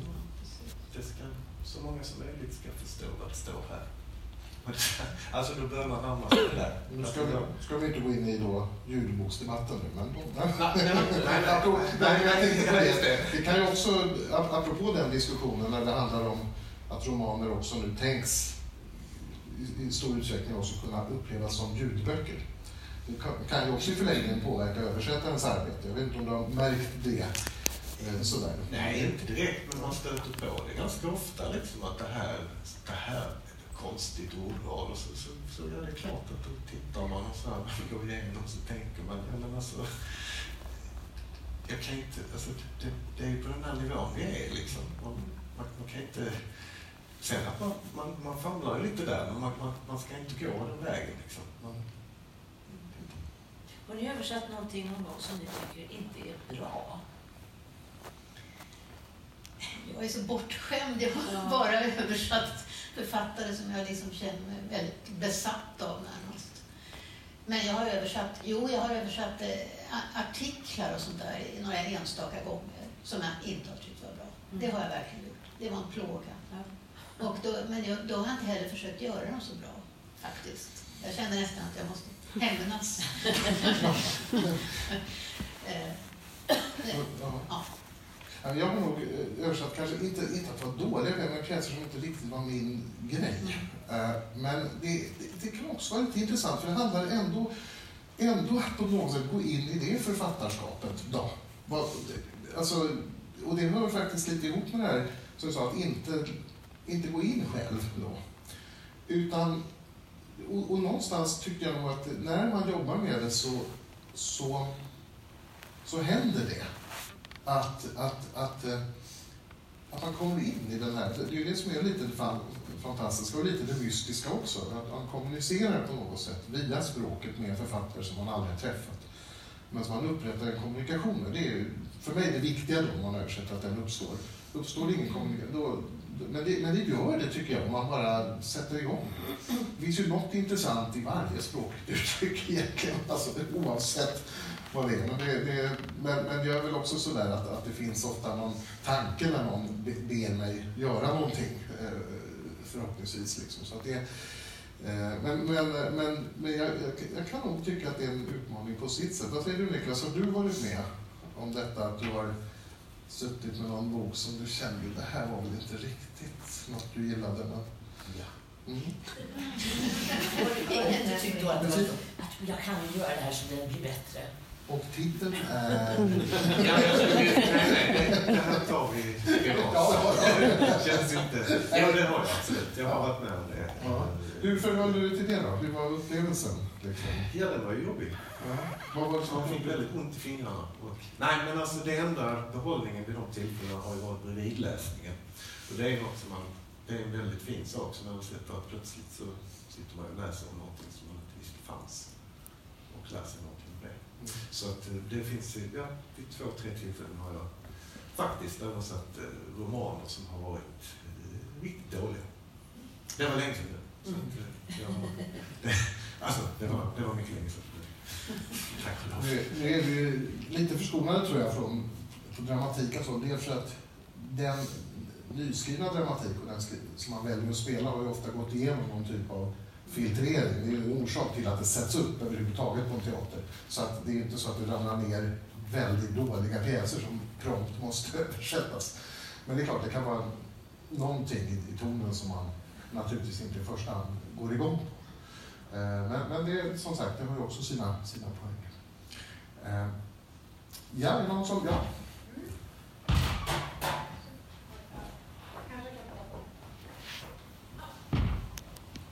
Nej, men jag tänkte på... Ibland... Du får gärna säga vad du heter då. Hanna heter jag. Kanske lite... Hanna Nygren, jag pluggar till dramatiker på STDH nu. Ja. Så vi representerar de blivande dramatikerna. Eh, jo, jag tänkte på det mycket, hur mycket hur man ska förhålla sig till inte bara översättningen man gör utan också till källspråket. Eh, jag läser mycket franska till exempel och när jag läser franska översatt till svenska så tycker jag ofta att man känner franskan också så himla starkt. Inte bara den författaren utan det blir de här långa meningarna med bisats efter bisats som ju inte är konstigt på franska men som är ganska konstigt på svenska. Och det undrar jag ganska mycket över hur ni förhåller er till det. Hur mycket man hör av det källspråket. Liksom. Nu har vi ju den här lite troligt frihet igen. Men vad säger, vad säger du? Källspråket? Ja, svårt alltså. Jag är ju väldigt alltså nynorsk, jag har översatt både från bokmål och från nynorsk. Men eh, alltså det ska ju låta svenskt. Det, det är liksom A och O tycker jag. Men det får gärna finnas liksom, för mig får det gärna finnas någon slags eh, nynorsk eh, skugga eller någonting liksom. För att det är någonting med just nynorska språket som jag älskar. Som är, det är liksom hugget i sten. Det är, det är, det är någonting uråldrigt. Det är, det är någonting väldigt eh, taktilt och eh, tungt. Och det, det är liksom brottas i, i munnen på något sätt. Och det skulle jag önska att det fanns med. Men det, det ska ju liksom inte låta norskifierat på, eh, på... Det ska liksom inte vara andra meningsbyggnader eller, eller på det sättet. Men det är den där balansen man håller på med hela tiden, tycker jag. Eh, det, det ska höras på något sätt, men ändå inte, skulle jag säga. Hur förhåller du dig till Delillos amerikanska till exempel? Ja, men jag håller med Marie där att, eh, jag menar, som översättare från engelska så är man ju då livrädd för anglicismerna. För att det är, då får man det liksom. Och man tycker inte om det heller. Men alltså jag, jag, däremot så tycker jag inte att det ska bli svenskt. Alltså, man ska inte utplåna det amerikanska, eller vad man ska säga. Det tycker jag inte. Jag tänker så här, Sebald till exempel, på tal om långa meningar. Mm. Alltså visst, man skulle kunna göra mycket svenskare. Han är fantastisk som han är. Alltså det är så fantastisk eh, text. Liksom. Jag vet inte. Men där har vi också då, apropå skillnaden då mellan prosa och dramatik. För i, i prosan så har du möjlighet att låta ögat stanna, eh, slingra sig fram genom meningarna. Men om man tänker dramatik, eh, skulle du så att säga eh, vara mindre benägen att eh, låta det amerikanska skina igenom eh, i replikerna? Det kanske den diskussionen jag haft nu också i, i, i, i onåd här. Men eh, jag skulle kunna tänka mig att det på ett sätt skulle vara så därför att där vill man ha någon sorts... De ska höras och då låta svenska på något sätt. Ser ni någon skillnad i, i de här uppdragen? Ja, jag tycker ju det att, eh, jag menar jag översätter romaner och det, i många av dem är det mycket repliker, mycket replikskiften. Alltså, och, eh, så det, på det sättet är det väl likadant. Det är bara det att det, alltså alla de här replikerna när jag jobbar med dem, de, är, de, är, de hörs i mitt huvud. Va? Och sen jag vet ju inte alls vem, det är någon som ska läsa dem. Sen kanske det är en hel grupp som läser dem tillsammans och har olika roller. Jag vet ingenting om det. Men alltså, utgångspunkten är väl att någon sitter med boken och läser den. Och alla Men när du översätter en pjäs, då vet du att någon ska Ja, precis. Så det, det känns annorlunda. Mm. Och det är någon specifik person som på något sätt ska tro på det här. Och, liksom. Mm. och, det, och jag vet ju inte jag visste inte hur ni var innan. Så, jag bara, ja, ja. Men, men jag vet att just Walter Benjamin tror jag gett den här bilden någonstans, eh, om det var i den jag inte, att han ser översättningen som så att säga, en kruka från någon gammal tid som har liksom gått sönder och så limmar man ihop den. Så den är verkligen, man ser att det är krukan. Och så ser man de här små sprickorna. Och i hans teori att de här sprickorna ska liksom finnas med. Man ska på något sätt känna att det är en översättning på ett sätt. Det är, det är en av översättningens kvaliteter är att det just är en översättning, att det finns en sån. Men, men det där är svårt att säga. Jag har ju också så här, jag har ju så här lust att göra vissa såna här översättar, riktiga översättarfavoriter. Som översätter från ett språk som jag överhuvudtaget inte kan. Sådär. Jag har till exempel en översättare som heter Marianne R som översätter från portugisiska. Och jag är helt, jag älskar hennes översättningar. Och jag kan inte läsa Antonius och på portugisiska och jag skulle säkert bli besviken om jag kunde det. För att jag känner att det är, det är bara det språket som är. Och jag har ingen aning om hur det förhåller sig till portugisiska. Men jag kan känna att alltså, det finns. Så det är ju, återigen, det är ju också ett, ett verk någonstans. Det är en ton, det är en klang som kommer från Marie, som kommer från dig Niklas och som, som man liksom eh, som, där vi måste, också måste gå in och, och vara det. Så, och, och, återigen så är det trohet, eh, frihet, en röst som både, precis, men som du sa, den här att vara eh, trogen i otroheten eller om det var tvärtom, det spelar inte så stor roll. Otrogen i troheten, whatever. Men, men där är det ju, någonstans där rör, rör vi oss. Jag har precis eh, ganska nyligen läst eh, Hillary Mountains eh, För in de döda. Jag tror Jesper Högström heter han som översatt. Mm. Och där, där tycker jag, alltså den är, vad jag förstår så den är precis mitt emellan trohet och eh, eh, för att han har, han har ibland varit tvungen att uppfinna nya medeltida ord Mm. som man idag kan förstå utan att de är moderna. Mm. Och det, och det känns som verkligen, tycker jag, det känns som att han har varit oerhört trogen Mm. istället för att eh, ja, eh, översätta med det gamla svenska ordet, om det nu finns. Eh, hade vi någon mer fråga här? Ja. Ja, eh, jag heter Staffan Karlsson och är filosof och har sysslat en del med filosofiöversättningar. Så jag tänkte jag skulle Eh, det här med trohet och frihet. Alltså det är ju så att men man kan ju aldrig fånga allt.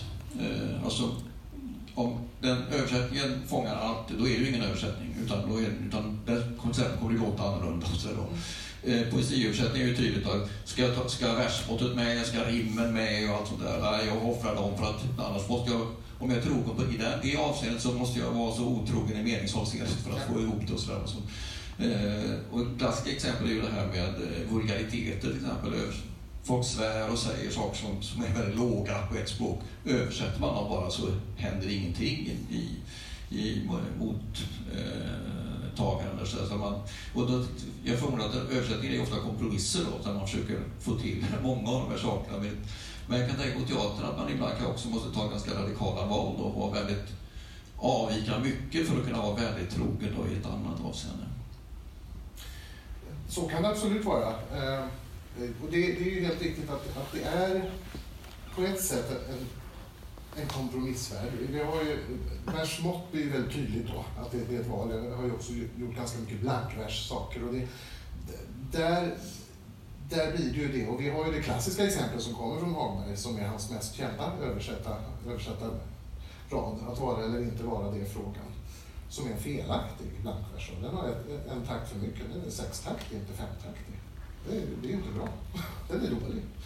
Eh, fast vi lever ju med den och har levt med den. Och svårt att tänka sig något annat eh, på ett sätt. Men där bröt han ju då mot, mot regeln. Eh, för att själva innehållet antagligen var viktigt att få klart. Och då, då offrade han versen, fast han gjorde det väldigt diskret så ingen hör det, för blankvers är ju byggd så att man tänker inte på det. Men, men eh, så, så, att naturligtvis i sådana sammanhang så, så hamnar man i det som har att göra med versen och, och, och formens krav. Eh, och där den ibland kan vara väldigt viktig att hålla. Eh, det är svårt att översätta en blankverspjäs och ibland bryta blankversen, utan där får man ju leva med det då eh, och göra de val. Vilket ju också är en, en, en, rolig utmaning. Och det är lite som du berättade om eh, Mattis-språket. Det, det, är ytterligare ett språk, som blankversspråket som man får förhålla. Eh, någon, någon som tänkte något mer om det som... Jag tänker också det här med, med från vårt perspektiv så är det också att vi, vi måste också förhålla oss till, vilket är ju fantastiskt, att, att att spelar man Fosse så är man ju i den världen och i det språkdräkten, vilket är underbart. Liksom. Och är det Shakespeare så måste vi förhålla oss till såklart versen. Vi kan inte, alltså det, det, här finns ju alltid problem med också för att vissa regissörer kan vara så här, men skit i versen. Och då vet man nästan, men skiter jag i versen nu, då måste han eller hon skita i versen. Eller hur gör vi då? Alltså, det måste finnas en sån här, man måste vara medveten om. Eh, jag tycker till exempel med, med komedi, när det är man, man sitter och läser liksom originalet så märker man att ja, vi får inte garv bara för att den tredje repliken på svenska översättningen är för lång. När tredje repliken är för lång så betyder det att publiken har tappat bort mm. eh, eh, spåret av första repliken varav jag ska komma med en fjärde med en punch. Mm. Men nu sitter folk och lyssnar på en jättelång rad. Så att när jag säger mjölk, då har alla glömt bort att allting började med mjölk. Alltså, då går man till originalet så märker man att det är faktiskt en rad kortare. Alltså det, det, det är så här. Så att det, det, är ju olika, det är olika förhållningssätt. Så man måste, och är det komedi så är det så här, ja då ska ju folk skratta. Så att författarens skämt måste ju funka. Liksom så, här, så det, det, är ju, det är ju olika sätt att förhålla sig till det. Liksom. Mm. Eller som i ordnål som är mer, alltså så här, där, där jag blev väldigt överraskad på ett väldigt positivt sätt. Det, liksom, det fanns sån här det finns en replik när han säger så här. Eh, har du aldrig känt en oväntad rodnad av stolthet? Och alla blir så här, va? Och jag tyckte det var så otroligt vackert, för jag fick en sån bild så här. Mm. Och då tänkte jag så här, ja, men det, då blir det också liksom att det är klart att där skulle jag kunna säga så här, ja men jag som skådespelare känner så och så, men det är också en härlig, eh, vad ska man säga, utmaning också att, att göra det till mitt. Att, att också sen stå på scenen och kunna trycka dit för att han börjar bli såhär, fan menar han med det? Och så tar han upp det. Mm. Din man känner en oväntad rodnad. Så här? Och ibland får vi ju skratt på det så här, för att alla liksom ser den här bilden. Mm. Så det, men det är en, också en, den amerikanska, liksom, det, där finns också en tradition att de, de har ju sin egen kultur när de skriver eh, pjäser som liksom bearbetas om inför olika uppsättningar och sen är det lite mer talking heads där som man brukar säga, liksom att det är skådespelare som liksom driver sin vilja och eh, sin, vad det är nu de vill, ganska rakt på. Liksom, så här, där varje paus betyder någonting, där man inte jobbar med undertext på samma sätt som vi kanske gör i svensk teater. Eh, så det, det, är olika sätt där man måste liksom verkligen ta sig an varje värld som det kommer liksom, på något sätt. Mm. Ehm, Ehm, jag tänkte att vi skulle liksom av, avrunda lite här. Ehm, några eh, sista ord som är, är något ni har funderat, funderat över kring det här. Vi har rört oss över ganska stora fält här vad gäller det kan vara ett separat seminarium om komediöversättning, för det är intressant det där med hur, hur ramlar det ut liksom. Jag tänker på, ja, jag vet inte, inget, inget avslutande, men vad jag tycker när jag tänker på Fosse Mm. så är det ju, alltså som jag tycker är så fantastiskt med Fosse, det är att de här tystnaderna Mm. som då jag inte skulle kalla för pauser, för paus det är liksom en, som en låda. Men de här tystnaderna som också, tycker jag, finns i replikerna. Absolut. Eh, ju, alltså, och, och där riktigt bra dramatik, där fortsätter, repliken fortsätter Mm. eh, tills den andra svarar. Eh, medan är det inte bra så tar det bara slut. Det är som att bara pff, dra ner en rullgardin efter varje replik. Och där tycker jag, där är Fosse Mm. fantastisk alltså. Mm. Jo, men det är också den stora utmaningen med eh, att översätta Fosse, tycker jag. Att, att bibehålla den där tystnaden på något sätt. Att översätta tystnaden helt enkelt. Eh, är, hur gör man det? Eh, alltså det? Det är en fråga man hela tiden måste ställa sig. Man måste som översättare ha liksom ett förhållande till tystnaden där tystnaden är, är lika viktig som ordet, så att säga. Man får liksom inte haka upp sig och bara liksom värdesätta ordet, utan värdesätta tystnaden lika mycket.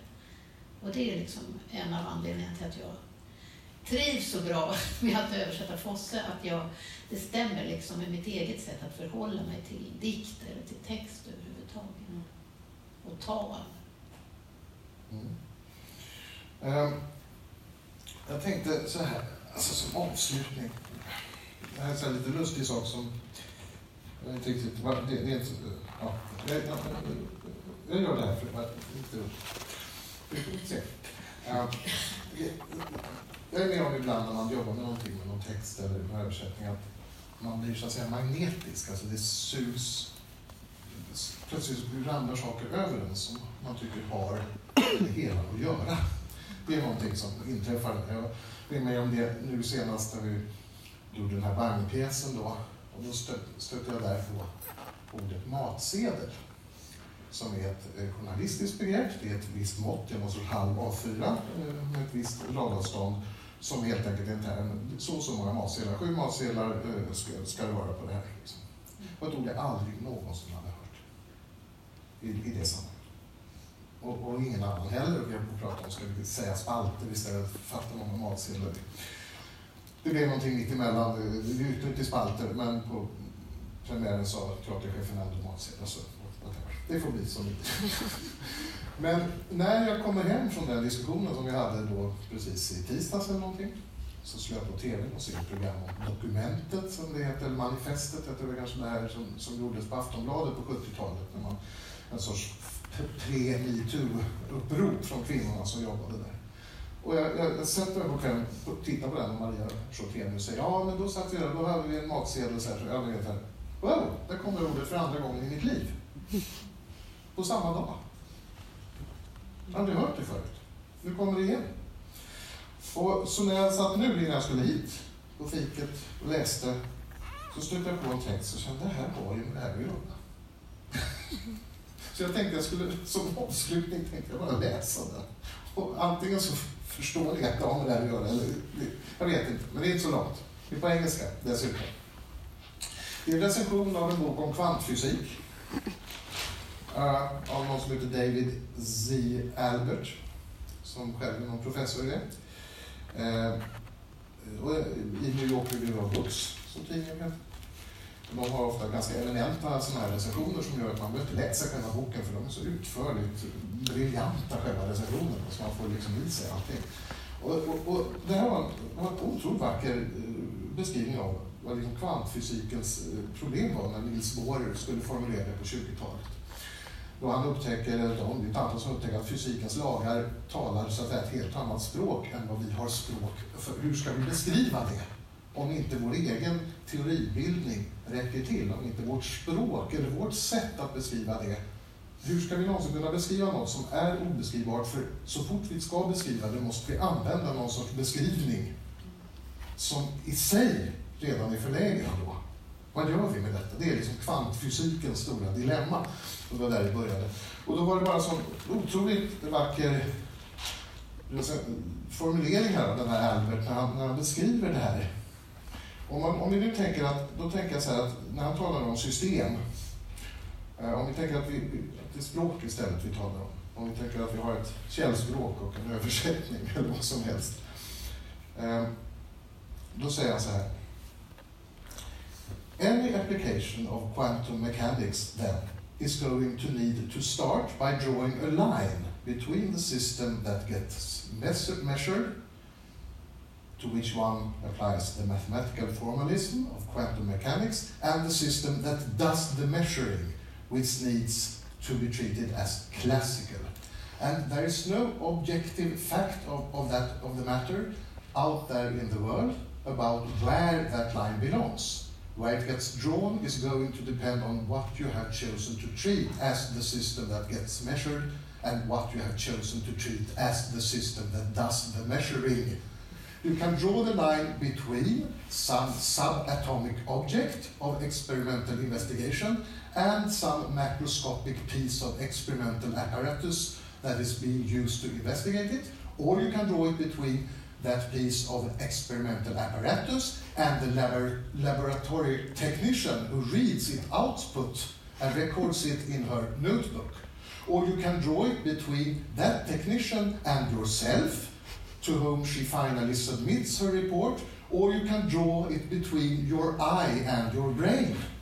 But the line needs to be drawn someplace, and there need to be things on both sides of it. And so the very idea of a quantum mechanical treatment of the universe as a whole, or a quantum mechanical treatment of the act of observation itself, would amount to a straightforward contradiction in terms. Och det är lite det vi har sysslat med, en sorts att översättning är någon sorts contradiction in terms i sig själv. Det är någon sorts linje. Och var drar vi den? Och vad det var. Jag, jag bara fick något, det, var, det ramlade ner precis innan jag skulle hit, så jag tänkte att det kunde vara fint att sluta med just contradiction of terms. Det är ingen replik man längtar efter direkt. Den. Den pjäsen kommer. Jag började redan skissa på den. Nu kommer vi hit. Du kommer bli... Du är Nils Bohr. Det är bara så. Bered dig på detta. Eh, så jag vill tacka så mycket för er deltagande. Jag har haft otroligt roligt med er och eh, mycket eh, spännande saker att tänka på. Eh, jag tänker att ni också, det är gratis i alla fall det här. Så att, får man nöjda helt enkelt på något sätt för vad ni fick. Så kan man ändå säga. Och som sagt, nu, är det någon, nu finns det liksom bar där ute. Usch! Så att då kan man ju hänga och då kommer vi också få reda på vilken bok det var. Ja. Nej, oj! Ja, väldigt långt. Så tack så mycket för, för detta så ses vi där ute helt enkelt.